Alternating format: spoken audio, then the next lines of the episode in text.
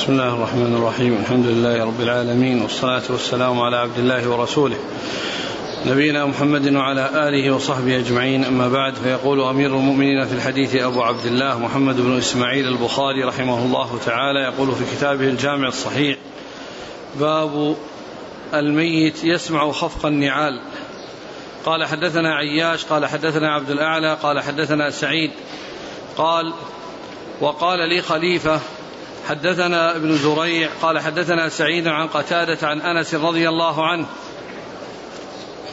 عن النبي صلى الله عليه وآله وسلم أنه قال قال العبد إذا قال العبد إذا وضع في قبره وتولي وذهب أصحابه حتى إنه ليسمع قرع نعالهم أتاه ملكان فأقعداه فيقولان له ما كنت تقول في هذا الرجل محمد صلى الله عليه وسلم فيقول أشهد أنه عبد الله ورسوله. فيقال انظر إلى مقعدك من النار أبدلك الله به مقعدا من الجنة. قال النبي صلى الله عليه وسلم فيراهما جميعا. وأما الكافر أو المنافق فيقول لا أدري كنت أقول ما يقول الناس. فيقال لا دريت ولا تليت. ثم يضرب بمطرقة من حديد ضربة بين أذنيه فيصيح صيحة يسمعها من يليه إلا الثقلين. بسم الله الرحمن الرحيم. الحمد لله رب العالمين. وصلى الله وسلم وبارك, وبارك على عبده ورسوله نبينا محمد وعلى آله وأصحابه أجمعين. أما بعد يقول الإمام البخاري رحمه الله باب الميت يسمع خفق النعال. الميت إذا وضع في قبره ودفن وانصرف الناس وتولى عنه وتولوا عنه يسمع خفق نعالهم قرع نعالهم. بين ذلك رسول الله عليه الصلاة والسلام في هذا الحديث وهذا من أمور الغيب التي لا يتكلم فيها إلا بوحي عن الله وعن رسوله عليه الصلاة والسلام. لأن أمور الغيب لا يجوز الكلام فيها نفيا وإثباتا إلا بالشيء الذي جاء عن رسول الله عليه الصلاة والسلام في كتابه سبحانه وتعالى وسنة رسوله صلى الله عليه وسلم. وهذا يدل على أن الميت عندما يوضع في قبره ويتولى عنه أصحابه آه، وتعاد روحه ويسمع خفق النعال المشيعين له. يسمع خفق نعال المشيعين له. وفي هذا دليل على يعني حصول أو ثبوت هذا الذي أخبر به الرسول عليه الصلاة والسلام من هذا النوع من أنواع علوم من أنواع علوم الغيب. واستدل به بعض العلماء على جواز المشي بالنعال في المقابر. على جواز المشي في النعال في المقابر. وقد جاء ما يدل على خلاف ذلك وهو أن النبي صلى الله عليه وسلم رأى رجلا عليه نعلان سبثيتان يعني من من شعر. فالرسول عليه الصلاة والسلام قال يا صاحب السبتيتين انزعهما. فهذا الحديث يدل على أن الإنسان لا يمشي بين القبور يعني بالنعال.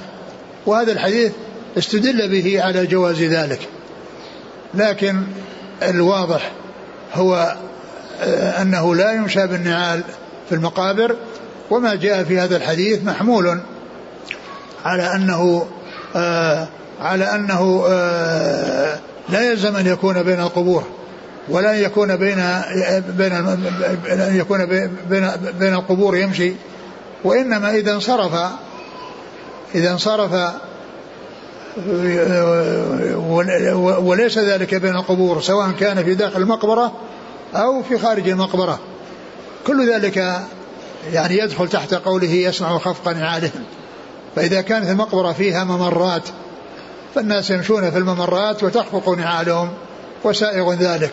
وإذا كانت المقبرة أيضا يبدأ بالدفن فيها من المؤخرة والذي في جهة الباب يكون خاليا فإن القبور آه، يعني آه، يكون الدفن فيها شيئا فشيئا والمكان الخالي الذي جهة الباب يعني يمشي الناس فيه وعليهم نعالهم لأنهم ما مشوا بين القبور. أو يكون ذلك خارج المقبرة. كل ذلك محتمل. ولا يقال إن هذا آه، يقضي على ذلك الحديث الذي فيه نهي الرسول عليه الصلاة والسلام لأن ذلك واضح جلي. في نهي الرسول عليه الصلاة والسلام وأما هذا فيه إخبار بالخفق ولكن ليس ليس يعني متعينا أو لازما أن يكون هذا الخفق الذي يسمعه الميت أنه يكون بين القبور بل قد يكون في غير القبور إما في داخل المقبرة في أماكن لا قبور فيها أو أنه خارج المقبرة. والحديث آه، أورده وفيه عذاب القبر وما يجري في القبر وسيأتي يعني قريبا فيما يتعلق بعذاب القبر ولكن المصنف رحمه الله أورده من أجل آه، آه، سمع الميت قرع النعال. نعم. قال حدثنا عياش عياش بن الوليد الرقام. نعم. عن عبد الأعلى. ابن عبد الأعلى. عن سعيد. عن من؟ عن من؟ بعد ذلك عن قتادة سعيد بن أبي نعم، عروبة. نعم سعيد بن أبي سعيد بن أبي عروبة. لأنه إذا جاء سعيد غير منسوب يروي عن قتادة فالمراد به سعيد بن أبي عروبة.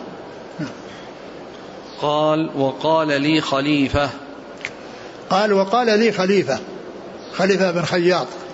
وقال لي خليفة ابن خياط. وهذه عبارة يستعملها المصنف رحمه الله وهي دالة على الاتصال لأن كلمة لي هذه واضحة في الاتصال. وهو شيخ من شيوخه وقال قال لي يعني أنه سمعه منه. قال لي أنه سمعه منه.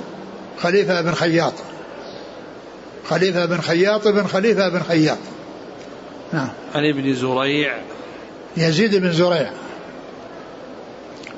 عن سعيد عن قتادة عن أنس. نعم يلتقي الطريقان عند سعيد عن قتادة. يلتقي يلتقي الطريقان عند سعيد في آه، آه، عن سعيد عن قتادة عن أنس. و ومن طريقة البخاري ومن آه، من منهج البخاري أنه إذا كان للحديث إذا كان للبخاري شيخين في الحديث فإن اللفظ يكون للثاني منهما. فإن اللفظ يكون للثاني منهما. يعني معناه أن هذا لفظ لفظ خليفة. لأنه الشيخ الثاني هو هو الشيخ الثاني في الإسناد. أما الشيخ الأول فإنه يعني يأتي به في موضع آخر كما سيأتي فإنه أسنده من طريق عياش وكان فيها ألفاظ مغايرة. وهذا ماش على طريقته التي ذكر الحافظ بن حجر أنه عرف بالاستقراء أنه إذا روى الحديث من طريق شيخين فإن اللفظ يكون للشيخ الثاني لأنه يذكر الإسناد في مكان آخر بإسناد الشيخ الأول وليس معه الشيخ الثاني ثم يكون اللفظ فيه مغايرة بينه وبين اللفظ الذي ذكر آه، مع جمع الشيخين مع جمع الشيخين له. إذن هذا يعني مثل ما قال الحافظ حجر ماشٍ على طريقته أو متفق مع طريقة البخاري أنه إذا روى الحديث عن طريق الشيخين فإن اللفظ الذي يذكره هو للشيخ الثاني وليس للشيخ الأول بدليل أنه يذكر الإسناد الأول ويذكر الحديث ويكون فيه مغايرة بينه وبين الحديث الذي أورده بجمع الشيخين بلفظ الثاني منهما. نعم. يقول السائل إذا كانت المقبرة فيها حجر وشوك أو الأمطار والثلوج فهل حينئذ لابد من نعم لا بأس لا بأس إذا كان فيها أشواك وفيه يتضرر الإنسان فإنه يمشي بالنعال وهذه هذا للضرورة ولكن عليه أن يحرص ويعني ويبتعد عن أن يكون يطع على قبور وإنما يمشي بين القبور بحيث لا يطع على قبر من القبور. إذا إذا اضطر إلى ذلك لشوك أو لشدة رمضة أو لشدة رمضة أو يعني شيء يعني يقتضي ذلك لا بأس. نعم. الاستدلال بمثل هذا الحديث على أن الميت يسمع أو يعلم بمن يأتيه ويسلم عليه. ما يدل هذا ما ما, ما في دليل ما يدل هذا على على على أنه يسمع مطلقا وإنما يدل على يعني يقتصر على ما ثبت. يقتصر على إثبات ما ورد ويسكت عما وراء ذلك. ويسكت عما وراء ذلك. لا يقال إنه لما ثبت أنه يسمع قرن النال معناه أنه يسمع يعني ويعلم ما يجري حوله. يسمع ويجري ما, ما يجري حوله. و والرسول عليه الصلاة والسلام آه، آه، يعني جاء في الحديث ان ان ان, أن النبي صلى الله عليه وسلم قال إنك لا تدري ما أحدثوا بعدك. يعني فلا يج... فلا يدري فلا يعلم الشيء الذي حصل وإنما الذي ورد يثبت وما لم يرد يسكت عنه. قال رحمه الله تعالى باب من أحب الدفن في الأرض المقدسة أو نحوها.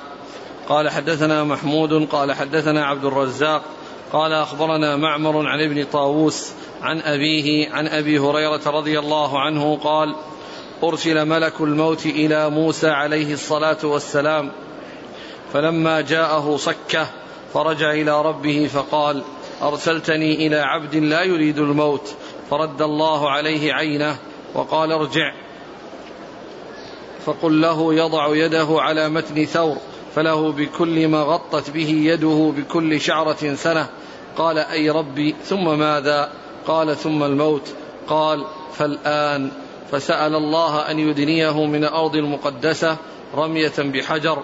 قال قال رسول الله صلى الله عليه وسلم فلو كنت ثم لأريتكم قبره إلى جانب الطريق عند الكثيب الأحمر. ثم قال باب من أحب أن أن يدفن في الأرض المقدسة. من أحب أن يدفن في الأرض المقدسة. والأرض المقدسة اللي جاءت في الحديث هي يعني بيت المقدس. ويعني الذي هو في بلاد الشام. لأن هذا هو المكان أو هذا هو الموضع الذي المقدس الذي آه، جاء ذكره في الحديث. ومن المعلوم أن هناك أقدس من ذلك الموضع موضعان أقدس منه وهما مكة والمدينة. فأقدس بقاع الأرض مكة ثم يليها المدينة ثم بعد ذلك بيت المقدس. المسجد الأقصى هذه آه هذه درجاتها في الفضل. فالمقصود من هذا في قوله الأرض المقدسة يعني التي في الشام لأن الحديث والكلام يتعلق بها. والمصنف قال ونحوها ونحوها يعني يدخل في ذلك ما هو أولى منها وهو مكة والمدينة. مكة والمدينة لأنها أقدس وذكر آه، في هذا الحديث عن أن موسى عليه الصلاة والسلام أنه جاءه ملك الموت ليقبض روحه فصكه ففقأ عينه وبعد ذلك ذهب ملك الموت إلى الله وقال إنك أرسلتني إلى عبد لا يريد الموت قال اذهب وأخبره بأن يضع يده على ظهر ثور ف فما غطت فكل شعرة غطتها يد غطتها اليد فإن له بكل شعرة سنة. يعني بعدد الشعرات اللي تحت يده من من ظهر الثور وهي كثيرة جدا فإن له بكل شعرة سنة. يؤخر ويؤجل. ف فقال فجاء وقال له قال ثم ماذا؟ قال بعد ذلك الموت. يعني بعد ما تنتهي هذه الشعرات يعني سيأتي الموت والموت لا بد منه. والموت لا بد منه. قال فالآن يعني ما دام أن الموت حاصل وأنه لا بد منه وأنه سيحصل آه، بعد انتهاء هذه الشعارات لو أعطي يعني هذه السنوات فقال إذن الآن أو فالآن يعني فالآن يعني تقبض الروح. ثم إنه سأل الله عز وجل أن يدنيه من الأرض المقدسة رمية حجر. أن يدنيه من الأرض المقدسة رمية حجر. وهذا هو محل الشاهد من إيراد الحديث لأنه سأل الله أن يدنيه من الأرض المقدسة رمية حجر. يعني شيئا قليلا مقدار ما يرمي به الإنسان في الحجر فما يصل إليه هذا هو المقدار الذي طلب أن, أن, أن يدركه الموت. يعني بعد آه، آه، يحصل تجاوز هذه المسافة ومقدار هذه المسافة التي هي رمية حجر. وهذا حصل من من موسى عليه الصلاة والسلام. لكن آه، لا يقال إن كل من أراد أن يدفن في أرض مقدسة تتحقق رغبته وان وأن الناس يذهبون ينقلون إلى الأراضي المقدسة ويدفنون بها بل كل من مات يدفن في المكان الذي مات فيه. كل من مات يدفن في المكان الذي الذي مات فيه وما تدري نفس بأي أرض تموت. فالمكان الذي يموت فيه الإنسان يدفن فيه الإنسان. أما كون آه كل من يريد يعني أنه ينقل إلى أماكن مقدسة هذا يقتضي أن الناس ينقلون وأنه آه تضيق الأرض الأراضي المقدسة وكذلك يحصل يعني ترك البلاد الأماكن التي هم فيها ولكن كل من مات يدفن في المكان الذي مات فيه. ولكن آه، هذا الحديث دل على أن موسى عليه الصلاة والسلام آه، أراد أن أن يقرب من الأرض المقدسة بمقدار رمية حجر وهذا محل الشاهد من إيراد الحديث في آه، إيراد الحديث هنا أعد الحديث.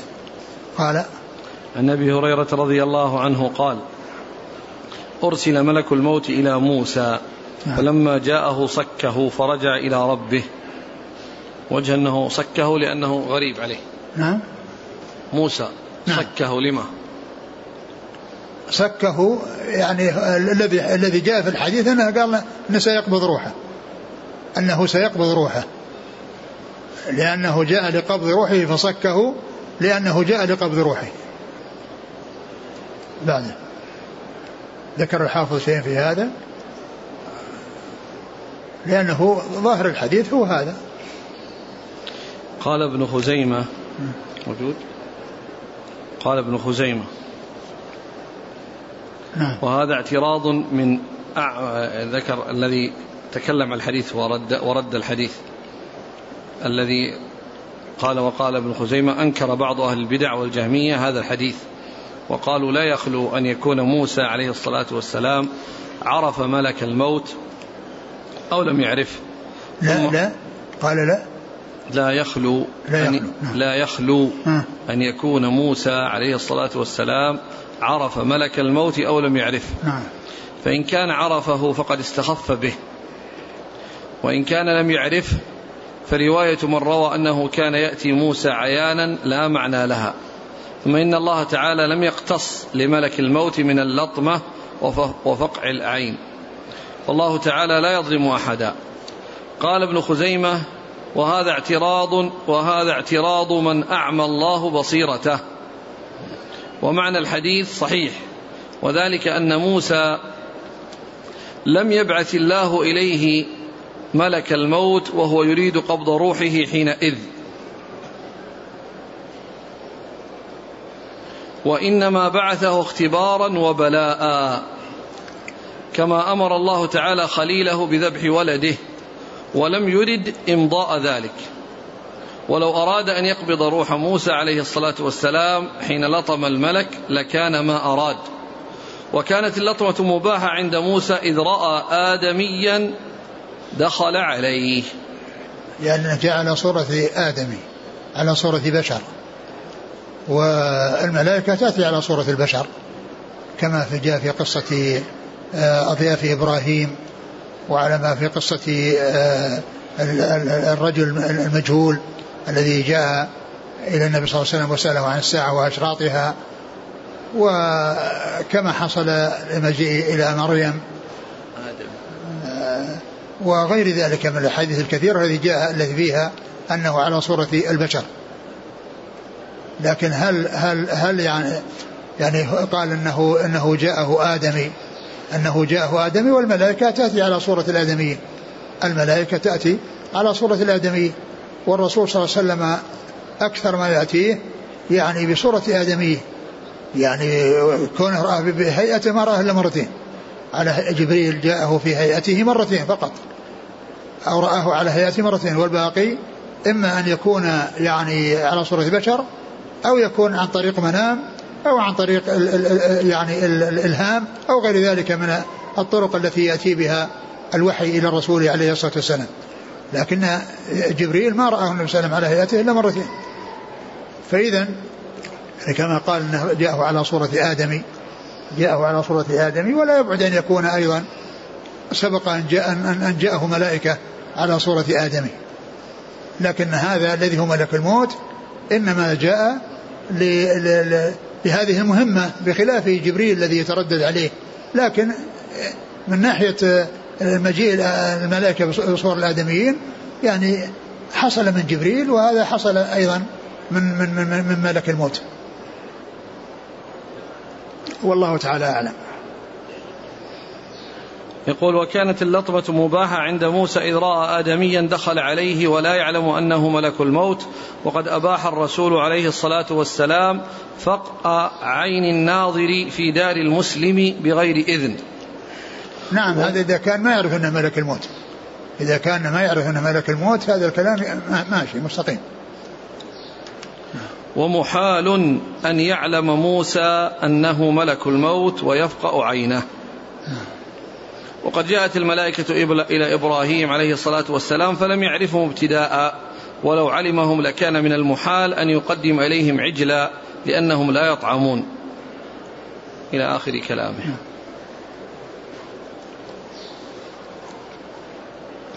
قال حدثنا محمود بن غيلان. عن عبد الرزاق بن همام الصنعاني عن معمر معمر بن راشد. عن ابن طاووس عبد الله بن طاووس. عن أبيه نعم.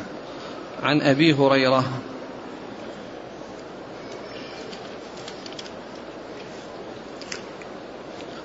قال صلى الله عليه وسلم فلو كنت ثم لأريتكم قبره إلى جانب الطريق يعني عند أن النبي, أن النبي صلى الله عليه وسلم كان يعني يعرف قبره قال لو كنت ثم يعني لو كنت هناك.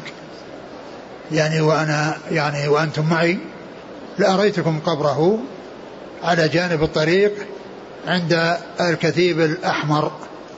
الكثيب يعني الكثيب من الرمل. قال رحمه الله تعالى باب الدفن بالليل. ولعل يعني يعني هذا يعني يدل على على ما مرت الإشارة إليه في الدرس الماضي يعني من أن الأنبياء يدفنون حيث يموتون. أن الأنبياء يدفنون حيث يموتون. وأن موسى دفن في المكان الذي مات فيه عليه الصلاة والسلام. نعم.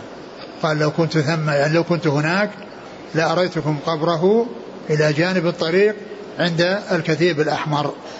والله سبحانه وتعالى يطلع نبيه صلى الله عليه وسلم على ما شاء. نعم. قال حدث قال باب الدفن بالليل ودفن أبو بكر رضي الله عنه ليلا. قال حدثنا عثمان بن أبي شيبة قال حدثنا جرير عن الشيباني عن الشعبي عن ابن عباس رضي الله عنهما أنه قال صلى النبي صلى الله عليه وآله وسلم على رجل بعدما دفن بليلة قام هو وأصحابه وكان سأل عنه فقال من هذا؟ فقالوا فلان دفن البارحة فصلوا عليه. ثم قال باب الدفن بالليل. الدفن بالليل الدفن بالليل والنهار. دفن الموتى يكون بالليل والنهار إلا في ثلاث ساعات قصيرة وهي عند طلوع الشمس وعند قيامها يعني في وسط النهار وعند غروبها. فهذه ثبت عن رسول الله عليه الصلاة والسلام أنه قال ثلاث ساعات نهينا أن آه، عن الصلاة فيها وعن دفن الموتى.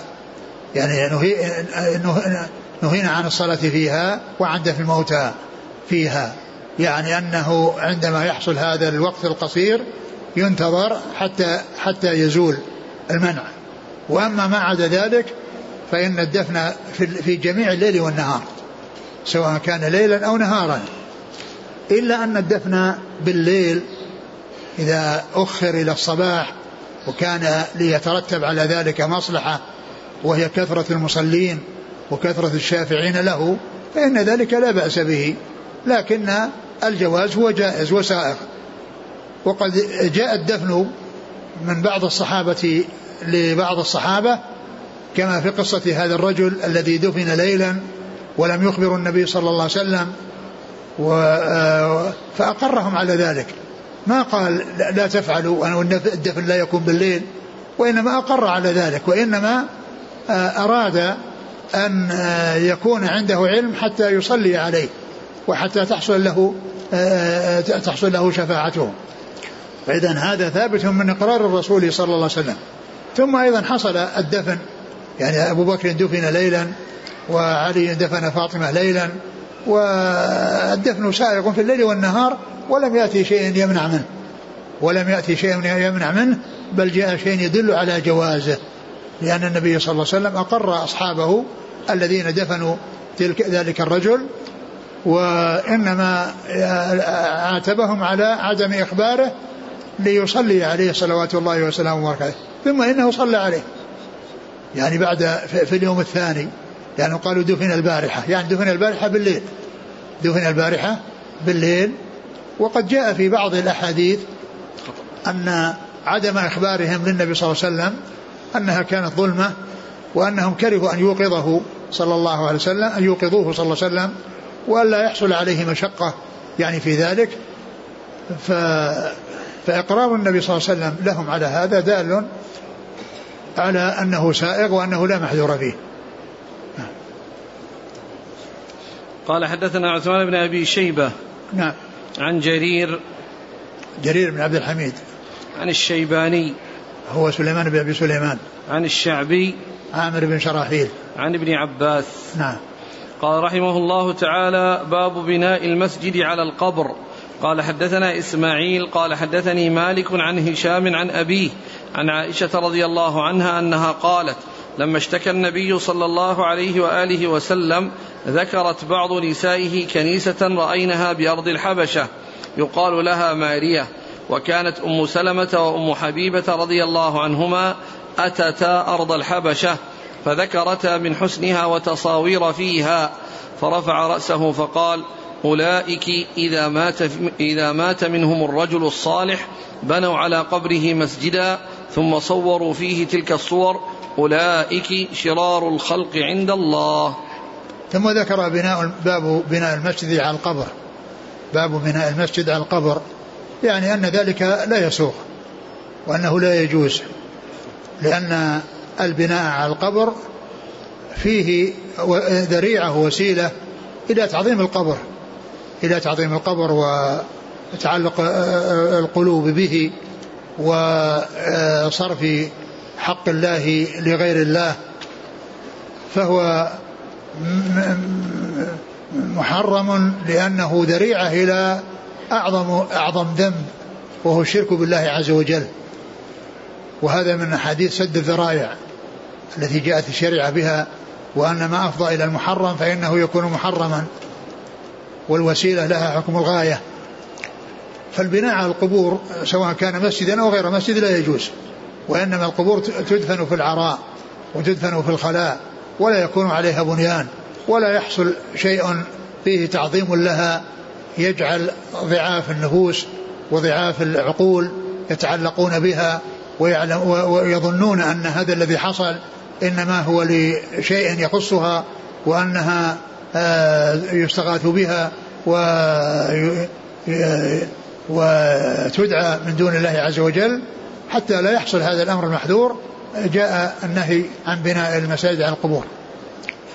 والرسول عليه الصلاة والسلام لما اشتكى وكان في مرض مرضه عليه الصلاة والسلام ذكرت بعض نسائه أنهن رأين كنيسة في أرض الحبشة وأنهم رأوا يعني ما فيها من الصور وأن قال عليه الصلاة والسلام إن, أن هؤلاء إذا مات فيهم الرجل الصالح بنوا على قبره مسجدا وصوروا فيه تلك الصور أولئك شرار الخلق عند الله.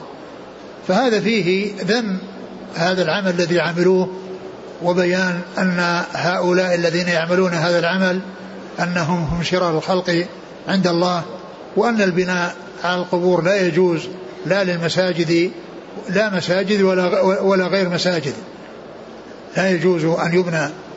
وقوله بنوا, بنوا على قبره مسجدا يعني مكان للعبادة ومكان للصلاة يعني يصلون حوله ويتعبدون حول يعني هذا القبر.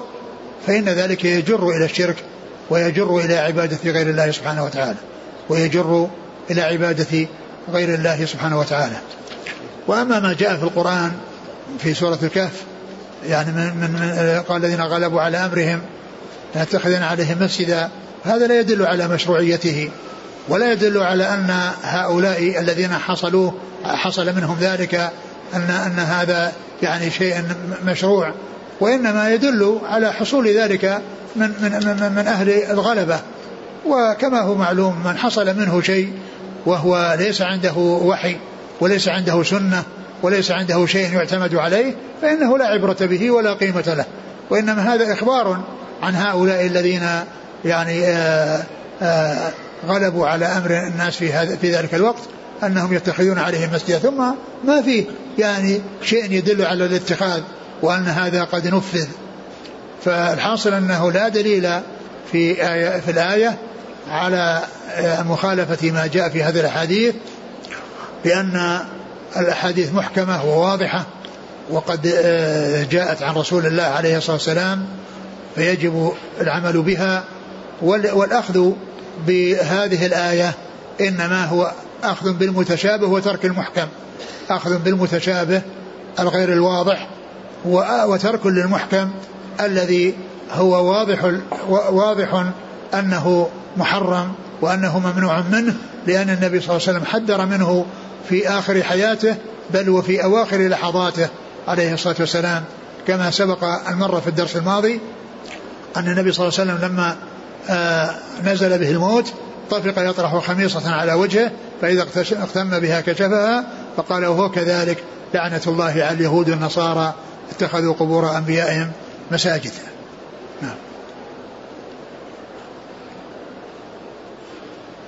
قال حدثنا إسماعيل. إسماعيل عن من؟ عن مالك. إسماعيل بن أبي ويس. عن مالك عن هشام. هشام آه بن عبد بن عروة. عن أبيه؟ عن أبيه. نعم هشام بن عروة عن أبيه عروة بن الزبير. عن عائشة. نعم. كلام الحافظ على هذه الترجمة. وش قال؟ قال باب بناء المسجد على القبر. أورد فيه حديث عائشة في لعن من بنى على القبر مسجدا قد تقدم الكلام عليه قبل ثمانية أبواب. قال زين بن المنير كأنه قصد بالترجمة الأولى اتخاذ المساجد في المقبرة لأجل القبور بحيث لولا تجدد القبر ما اتخذ المسجد. ويؤيده بناء المسجد في المقبرة على حدته لئلا يحتاج إلى الصلاة فيوجد مكان يصلى فيه سوى المقبرة. نعم المقابر لا يبنى فيها لا على القبر ولا في نفس المقبرة لأن النتيجة واحدة المقابر لا يصلى فيها سواء كان بين القبور أو داخل الأسوار أو داخل أسوار المقبرة لأن كلها يقال المقبرة. سواء الذي دفن فيه أو الذي لم يدفن فيه كله يطلق عليه أنه مقبرة ثم يعني لو دفن لو بني في مسجد في طرفها فإنه الصلاة فيه صلاة في المقبرة. ثم أيضا لو كانت القبور لم تصل إليه لأنها قد تصل إليه وقد تحيط به حتى لو كان في الطرف. فال يعني ذاك فيه آآ آآ آآ هذا هذا الذي معنى فيه بناء مسجد. وهناك اتخاذ القبور مساجد. وقد يكون يعني ليس بلازم أن يكون يبنى قد يكون مكان مخصص بدون بنيان يصلى فيه. وهذا غير سائغ. لا أن يبنى مسجد في المقبرة على قبر أو على غير قبر ولا أن يخصص مكان يصلي فيه الناس لأن المقابر ليست أماكن للصلاة. ولهذا النبي صلى الله عليه وسلم قال لا تجعلوا بيوتكم قبورا. البيوت لا تعامل معاملة المقبرة التي ليست محلا للصلاة بل على الناس أن يصلوا في بيوتهم ولا يشبهوها بالمقابر التي هي ليست أماكن للصلاة. فإذا يعني هذه الترجمة هذه فيها بنيان وذيك ليس فيها بنيان وإنما اتخاذ القبور مساجد. واتخاذ القبور مساجد يعني آه يعني أماكن للصلاة. هو لازم أن يكون مبنيا لأن كونه يصلى فيها يقال لها اتخذت مسجدا. إذا صلي في المقبرة وإن لم يكن هناك بنيان مسجد يقال إنها اتخذت مسجد. فتلك الترجمة السابقة أعم لأنها تشمل آه، اتخاذ القبور مساجد بأن يصلى فيها سواء كانت مبنية أو غير مبنية. سواء كانت في بناء أو غير بناء. وهناك أورد أورد الجملة المطابقة للترجمة اتخذوا قبورهم فيها مساجد. وهنا قال بنوا على قبره مسجدا. فترجم بهذه بالبناء لأن الحديث فيه بناء وترجم في السابقة بالاتخاذ. والاتخاذ أعم من البناء نعم قال رحمه الله تعالى باب من يدخل المقبر المرأة. قال حدثنا محمد بن سنان قال حدثنا فليح بن سليمان قال حدثنا هلال بن علي عن أنس رضي الله عنه أنه قال شهدنا بنت رسول الله صلى الله عليه وسلم ورسول الله صلى الله عليه وسلم جالس على القبر فرأيت عينيه تدمعان فقال هل فيكم من أحد لم يقارف الليلة؟ فقال أبو طلحة أنا. قال فانزل في قبرها فنزل في قبرها فقبرها. قال ابن مبارك قال فليح أراه يعني الذنب. قال أبو عبد الله ليقترفوا أي ليكتسبوا. ثم ذكر من ينزل من يدخل قبر المرأة. من يدخل قبر المرأة. يعني من ينزل في القبر ليواريها في لحدها وفي قبرها. باب من يدخل. أورده هنا من يدخل يعني آه وأراد به الذي لم يحصل منه مقارفة. وقد فسرت المقارفة بالذنب وفسرت بالجماع. وأقرب شيء أنه الجماع. ولهذا الرسول صلى الله عليه وسلم لما سأل قال من لم يقارف البارحة؟ قال أبو طلحة أنا فأمره أن ينزل. أمره أن ينزل. وكان عثمان رضي الله عنه زوج المتوفاة يعني كان موجودا. ولعله كما سبق أن مر أنه يعني وطئ بعض جواريه أو بعض سراريه ف فأبو طلحة قال إنه لم يحصل منه هذا الذي آه، سأل عنه النبي صلى الله عليه وسلم فأمره أن ينزل. فدل هذا على أن يعني أن أن, أن القبر يمكن أن يتولى دفن المرأة فيه من لم يكن من محارمها عند الحاجة إلى ذلك. من محارمها عند الحاجة إليه لكن عند ما لم يكن هناك حاجة إليه فالمحارم أولى إذا كان عندهم قدرة وليس عندهم يعني شيء من التأثر الذي لا يتمكنون معه فكونه يدخل غيرهم ويتولى ذلك غيرهم من من الناس الأجانب عن المرأة ذلك سائغ لأن النبي صلى الله عليه وسلم أمر أبا طلحة بأن ينزل في القبر ليواري بنت رسول الله صلوات الله وسلامه وبركاته عليه. والحديث سبق أن مر والبخاري رحمه الله ذكر أثر ابن مبارك أن المقصود المقصود به الذنب يعني المقارفة يعني من يقارف يعني ذنبا. وذكر أيضا يعني الآية التي آه، قطعة من الآية التي أو كلمة من الآية وليقترفوا ما هم مقترفون فقال يكتسبوا وليقترفوا يعني يكتسبوا وهذا ماشي على طريقة البخاري رحمه الله أنه إذا كان في الحديث كلمة غريبة وكان في القرآن كلمة مثلها فإنه يأتي بالكلمة الغريبة من القرآن ويفسرها ويكون بذلك فسر الحديث والقرآن كما هي عادته وكما هي طريقته في صحيحه. لكن الأقرب أن المقصود بذلك الجماع. كما سبق أن مر في درس سابق. نعم. قال حدثنا محمد بن سنان عن فليح بن سليمان نعم. عن هلال بن علي نعم. عن أنس. نعم. قال رحمه الله تعالى باب الصلاة على الشهيد. قال حدثنا عبد الله بن يوسف قال حدثنا الليث قال حدثني ابن شهاب عن عبد الرحمن بن كعب بن مالك عن جابر بن عبد الله رضي الله عنهما أنه قال كان النبي صلى الله عليه وآله وسلم يجمع بين الرجلين من قتلى أحد في ثوب واحد ثم يقول أيهم أكثر أخذا للقرآن؟ فإذا أشير له إلى أحدهما قدمه في اللحد وقال أنا شهيد على هؤلاء يوم القيامة وأمر بدفنهم في دمائهم ولم يغسلوا ولم يصل عليهم. ثم قال باب الصلاة على الشهيد.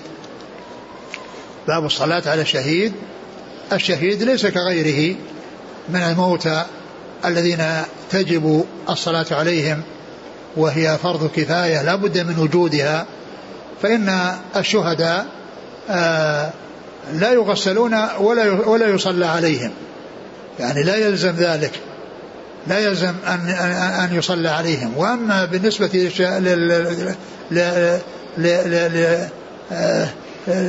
للتغسيل فإنهم لا يغسلون ليبقى أثر الشهادة عليهم. وهو الدم الذي حصل بسبب الشهادة. كما قال النبي صلى الله عليه وسلم يأتي, يوم القيامة اللون لون الدم والريح ريح المسك. يعني يبقى أثر الشهادة الذي هو الدم الذي علامة على كونه استشهد في سبيل الله وهو يجاهد في سبيل الله. وهذا إنما هو خاص في شهداء المعركة الذين يقاتلون في سبيل الله لإعلاء كلمة الله. هؤلاء هم الذين يعني لهم هذا الحكم أنهم أنه لم يصلي عليهم ولم يغسلوا ولم يصلى عليهم. أما غيرهم من الناس فإنه يصلى عليهم. أما غيرهم يعني من الناس الذين هم ليسوا شهداء وفيه خلاف في بعض في بعض الموتى مثل مثل الصبيان هل هل يصلى عليهم أو لا يصلى عليهم؟ بذلك خلاف. لكن الثابت والصحيح هو حصول الصلاة عليهم لأنها ثابتة. أما الذين أطلق عليهم شهداء وهم ليسوا شهداء معركة فهؤلاء لا يغسلون فهؤلاء يغسلون ويصلى عليهم لأن لأن شهادتهم إنما هي في الأجر والثواب. وليست بالذي حصل ووقع. وقد ولهذا يعني آه، النووي رحمه الله ذكر في كتاب رياض الصالحين ترجمة فقال باب ذكر جماعة من الشهداء في ثواب الآخرة ويغسلون ويصلى عليهم. يعني أنهم شهداء في ثواب الآخرة. وأما بالنسبة للتغسيل والصلاة فإنهم ليسوا كالشهداء آه، آه، لهم شهداء المعركة بل حكمهم كغيرهم من الناس الذين يموتون على فرشهم في أنهم يغسلون بأنهم يغسلون ويصلى عليهم. فإذا هذا يعني الحديث أورده للدلالة على أنه لم يحصل التغسيل ولم يحصل الصلاة عليهم ولم تحصل الصلاة عليهم. لكن لو صلي عليهم ولو حصلت الصلاة عليهم فإن ذلك زيادة خير وقد جاء يعني أشياء تدل على ذلك. شوف الحافظ حجر ذكر. في هذا؟ قال أراد قال زيد بن منير أراد باب حكم الصلاة على الشهيد ولذلك أورد فيه حديث جابر الدال على نفيها وحديث عقبة الدال على إثباتها. قال يحتمل أن يكون المراد باب مشروعية الصلاة على الشهيد في قبره لا قبل دفنه عملا بظاهر الحديثين. قال والمراد بالشهيد قتيل المعركة في حرب الكفار. انتهى. وكذا المراد بقوله بعد من لم يرى غسل الشهيد ولا فرق في ذلك بين المرأة والرجل صغيرا أو كبيرا حرا أو عبدا صالحا أو غير صالح. وخرج بقوله المعركة من جرح في القتال وعاش بعد ذلك حياة مستقرة وخرج بحرب الكفار من مات بقتال المسلمين كأهل البغي. وخرج بجميع ذلك من سمي شهيدا بسبب غير السبب المذكور. وإنما يقال له شهيد بمعنى ثواب الآخرة. وهذا كله على الصحيح من مذاهب العلماء. نعم. والخلاف في الصلاة على قتيل معركة الكفار مشهور. قال الترمذي قال بعضهم يصلى على الشهيد وهو قول الكوفيين وإسحاق وقال بعضهم لا يصلى عليه وهو قول المدنيين والشافعي وأحمد. وقال الشافعي في الأم جاءت الأخبار كأنها عيان من وجوه متواترة أن النبي صلى الله عليه وسلم لم يصلي على قتل أحد. وما روي أنه صلى عليهم وكبر على حمزة سبعين تكبيرة لا يصح. وقد كان ينبغي لمن عارض بذلك هذه الأحاديث الصحيحة أن يستحي من على نفسه. نعم الرسول صلى الله عليه وسلم ما صلى عليهم في في يعني في وقت يعني استشهادهم ولا غسلوا. لكن هل يصلى عليهم يعني أو تجوز الصلاة عليهم؟ جاء يعني بعض الأشياء التي تدل على ذلك لكنها ليست كغيرهم لأن غيرهم لازمة وهم غير لازمة. نعم. وأما حديث عقبة بن عامر فقد وقع في نفس الحديث أن ذلك كان بعد ثمان سنين. يعني والمخالف يقول لا يصلى على القبر إذا طالت المدة.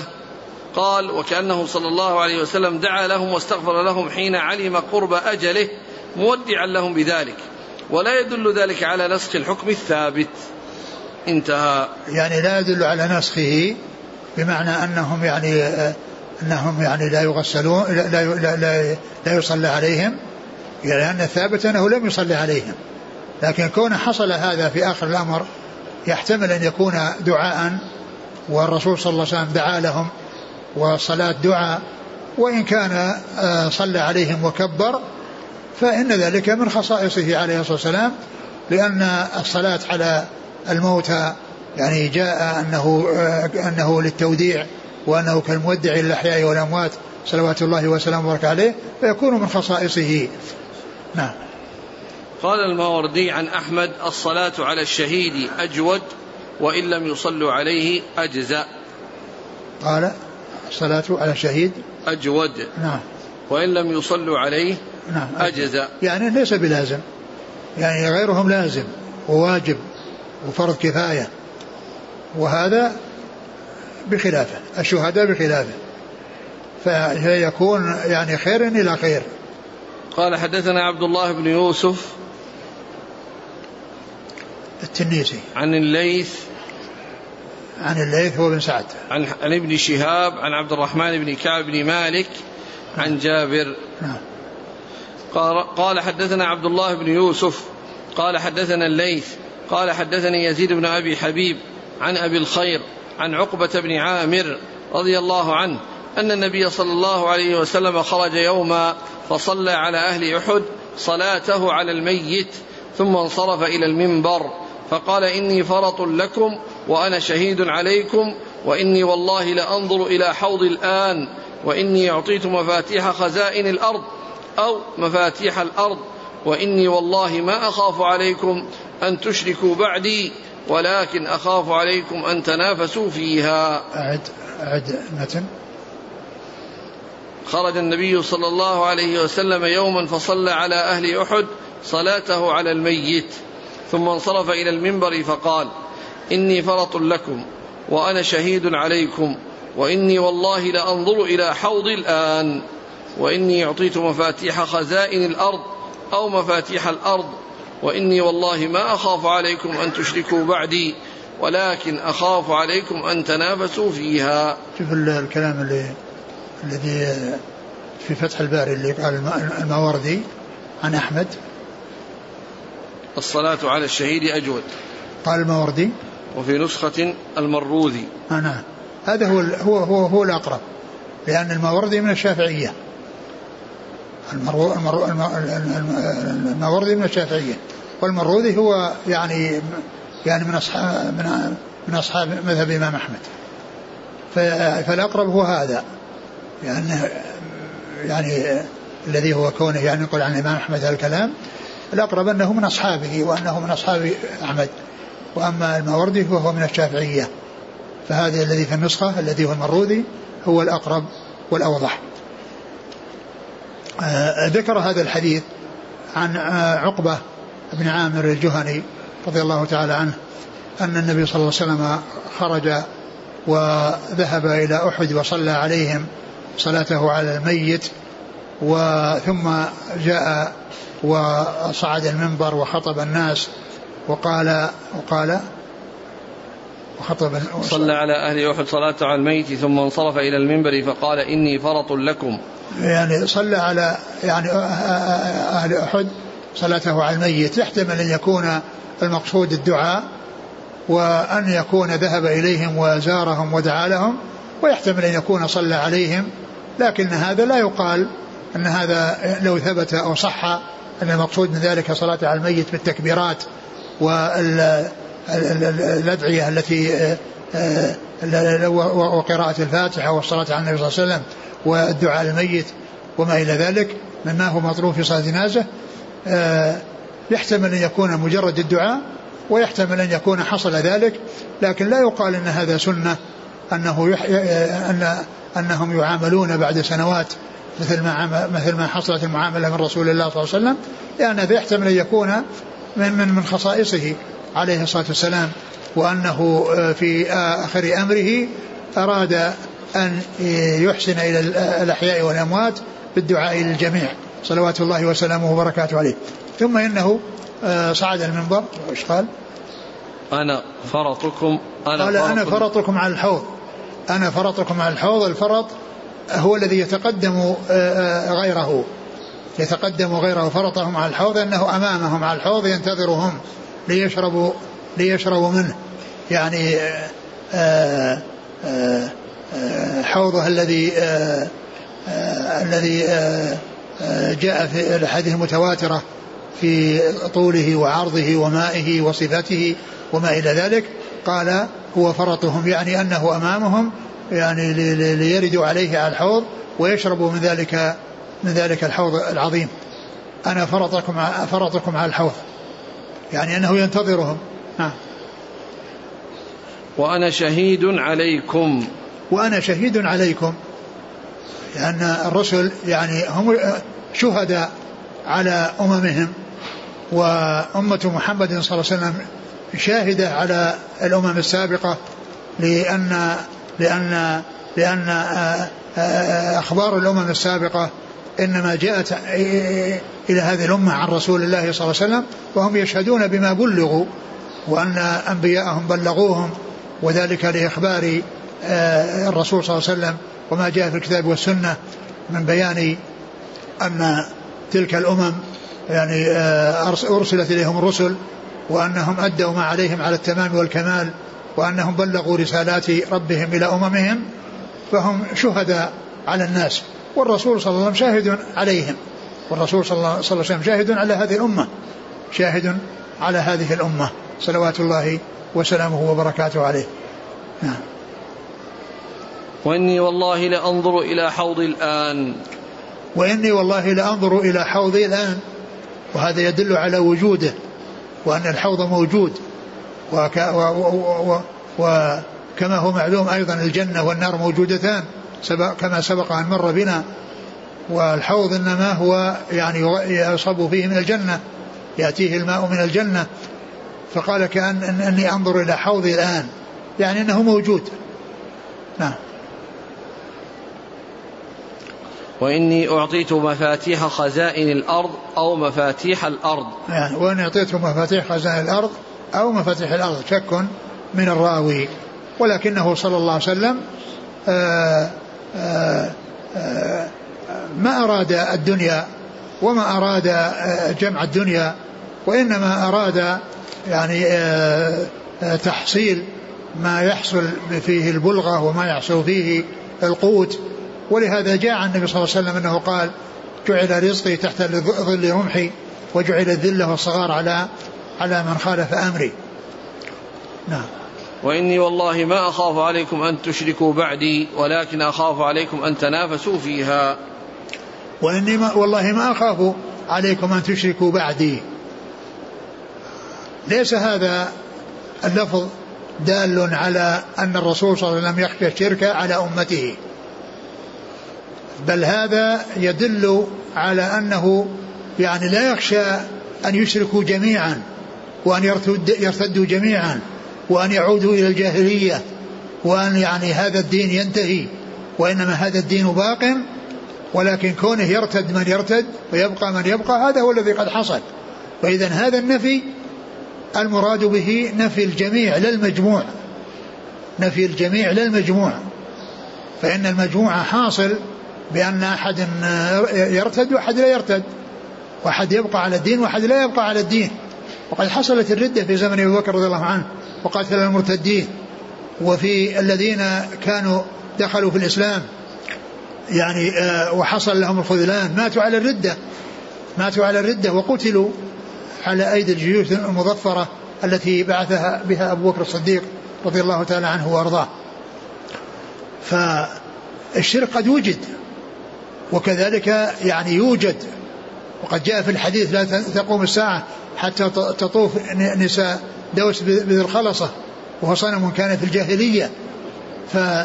فإذا النفي هنا يراد به الجميع للمجموع وهذا مثل الحديث الذي آه الذي قال فيه النبي صلى الله عليه وسلم إن الشيطان ايس ان يعبد في جزيرة العرب. أن ييس أن يعبد في جزيرة العرب. حديث إن الشيطان يئس أن يعبد في العرب فهذا يعني آه مثل هذا الحديث يقال فيه كما قيل فيه يئس أن يعبده الجميع. يعني كل الناس يعني يرتدون عن الإسلام ويعود الناس بالجاهليه كما كانوا قبل بعثة هذا هو الذي يئس منه الشيطان.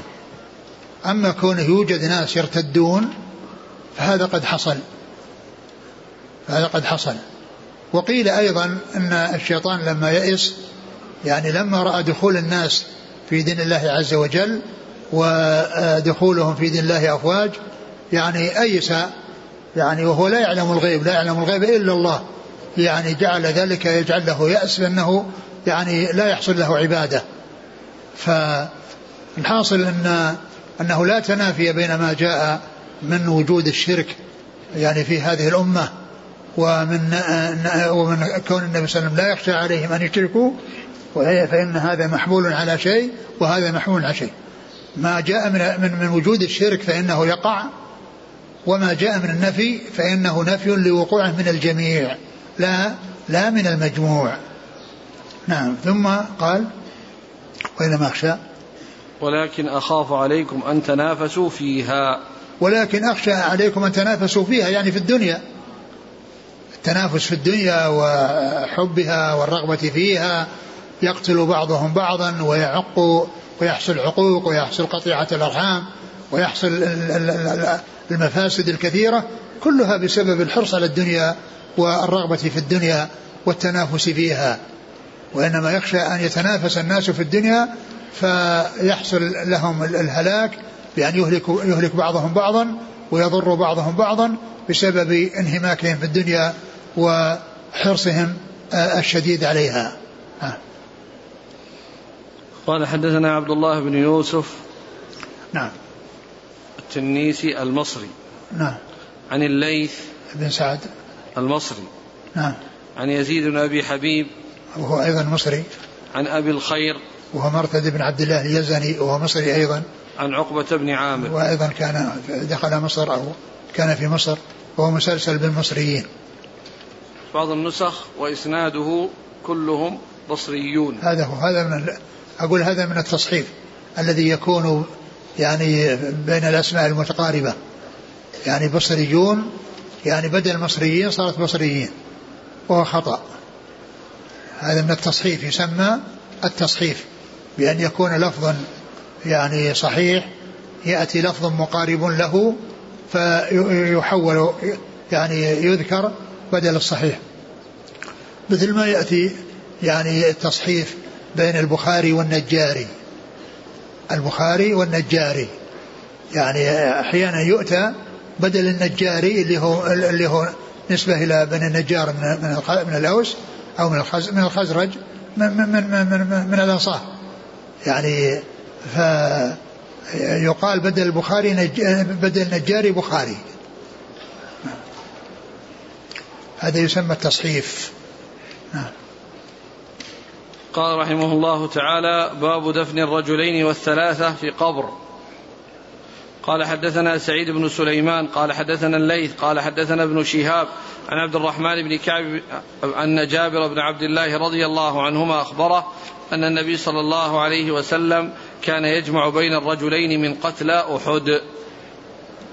ثم قال باب دفن الرجلين والثلاثة في قبر. باب دفن الرجلين والثلاثة في قبر.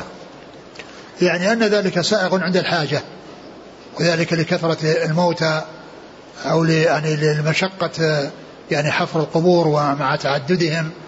فإذا جمعوا في مكان واحد فإنه جاءت به السنة عن رسول الله عليه الصلاة والسلام. لأن الرسول عليه الصلاة والسلام كان يجمع قتل أحد يعني في في قبر واحد ولكنه يقدم من كان أقرأ للقرآن إلى جهة القبلة. يقدم من كان أقرأ للقرآن إلى جهة القبلة. وهو يدل على جواز ذلك. يعني عند عند الحاجة إليه. قال إيش؟ متن؟ والنبي صلى الله عليه وسلم كان يجمع بين الرجلين من قتلى أحد. نعم. كان يجمع بينهم في القبر. نعم. قال حدثنا سعيد بن سليمان عن الليث عن نعم. ابن شهاب نعم. عن عبد الرحمن بن كعب نعم. عن جابر. نعم. باب من لم يرى غسل الشهداء والله تعالى أعلم وصلى الله وسلم وبارك على عبده ورسوله نبينا محمد وعلى آله وأصحابه أجمعين. جزاكم الله خيرا وبارك الله فيكم. ألهمكم الله الصواب وفقكم للحق شافاكم الله وعافاكم ونفعنا الله ما سمعنا غفر الله لنا ولكم وللمسلمين أجمعين. آمين. يقول أحسن الله إليكم عندنا في بلادنا إذا جاءوا إلى وضع الميتة إذا وضع المرأة الميتة في القبر وضعوا رداء يغطون به القبر بحجة أنه لا يجوز النظر إلى هذه الميتة. فهل هذا صحيح؟ ما لا أعلم. أقول لا أعلم شيئا يدل على هذا. لا أدري. إذا توفيت امرأة نصرانية وفي بطنها جنين وزوجها مسلم فهل تغسل وتكفن وتقبر في مقابر المسلمين؟ نظرا إلى هذا الجنين الذي في بطنها. المرأة النصرانية كافرة وتدفن في مقابر الكفار. لكن هذا الجنين الذي في بطنها ويعني وهو يعني معلوم انه يتبع يعني خير أبويه دينا لأن لأنه يعني يتبع أباه يعني لا يتبع أمه في الدين. ف فلا أدري يعني هل يعني تدفن يعني في تدفن في مقابر مقابر الكفار أو تدفن في مقابر المسلمين تدفن في مقابر الكفار من أجل نفسها أو في مقابر المسلمين من أجل جنينها الذي هو محكوم بإسلامه لأنه, لأنه ولده مسلم. ما أذكر في هذا شيء. هل الأنبياء يخيرون في الموت إذا دنا منهم؟ هل؟ الأنبياء يخيرون.